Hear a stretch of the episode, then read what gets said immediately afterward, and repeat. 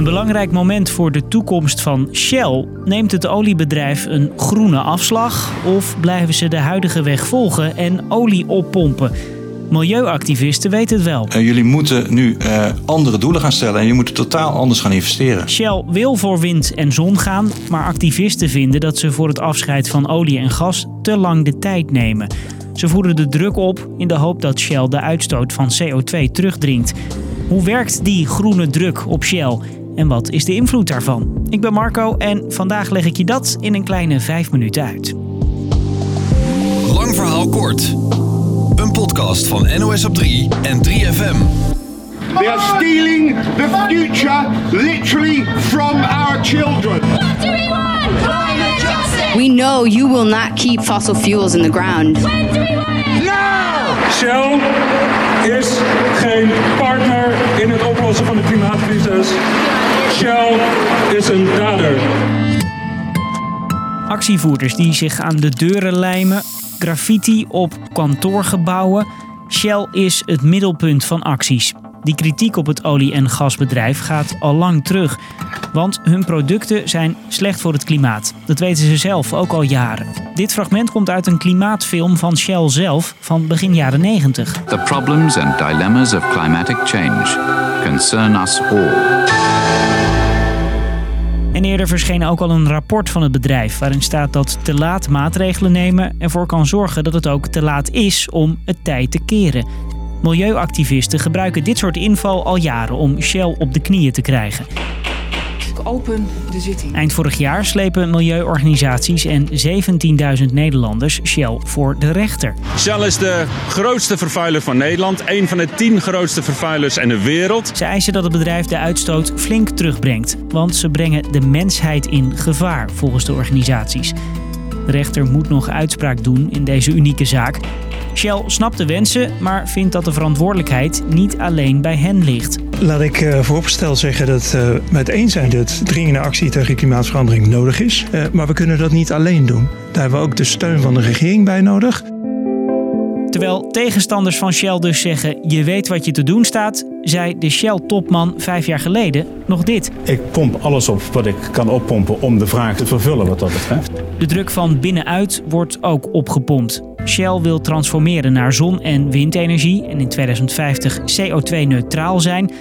Maar om de investeringen daarvoor te kunnen doen, moet het bedrijf naar eigen zeggen eerst nog jaren geld verdienen met fossiele energie. Shell's ambition extends to doing everything we can to help get it done. Over hoe het bedrijf uiteindelijk groen wil worden, hebben ze onlangs een voorstel gedaan aan de aandeelhouders, vertelt collega Nick Wouters. Voorlopig gaan ze wel door met olie en gas. Dat is wel het verhaal. Daar blijven ze in investeren.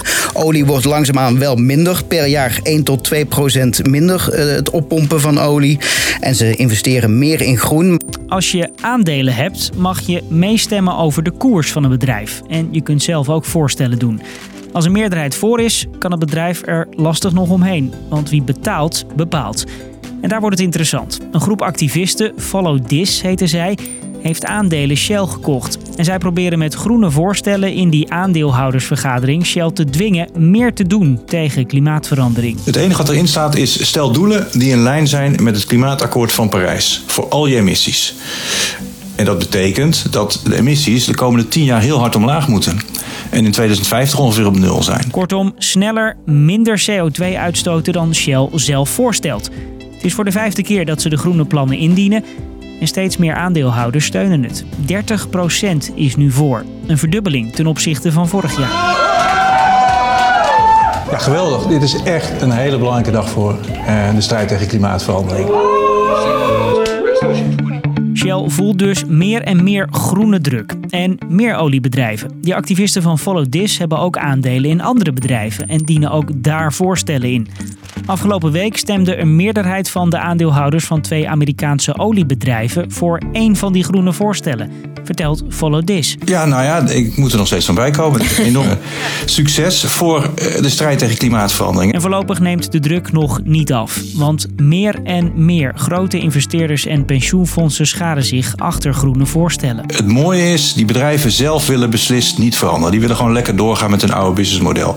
Maar nu zeggen gelukkig de aandeelhouders, de pensioenfondsen...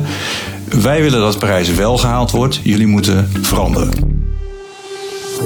Dus, lang verhaal kort, de groene druk op Shell wordt groter en groter. Door acties, een rechtszaak en vandaag weer meer aandeelhouders die willen dat het oliebedrijf meer doet tegen klimaatverandering. En datzelfde gebeurt ook bij andere bedrijven die fossiele energie maken. Shell zelf wil het ook, maar zegt ook dat overheden meer moeten doen. Thank you for attending. Have a safe and great day. Tot zover deze lang verhaal kort. Morgen dan tank je je dagelijkse dosis nieuws weer bij. Rond de klok van 5 in je podcast app. Dag.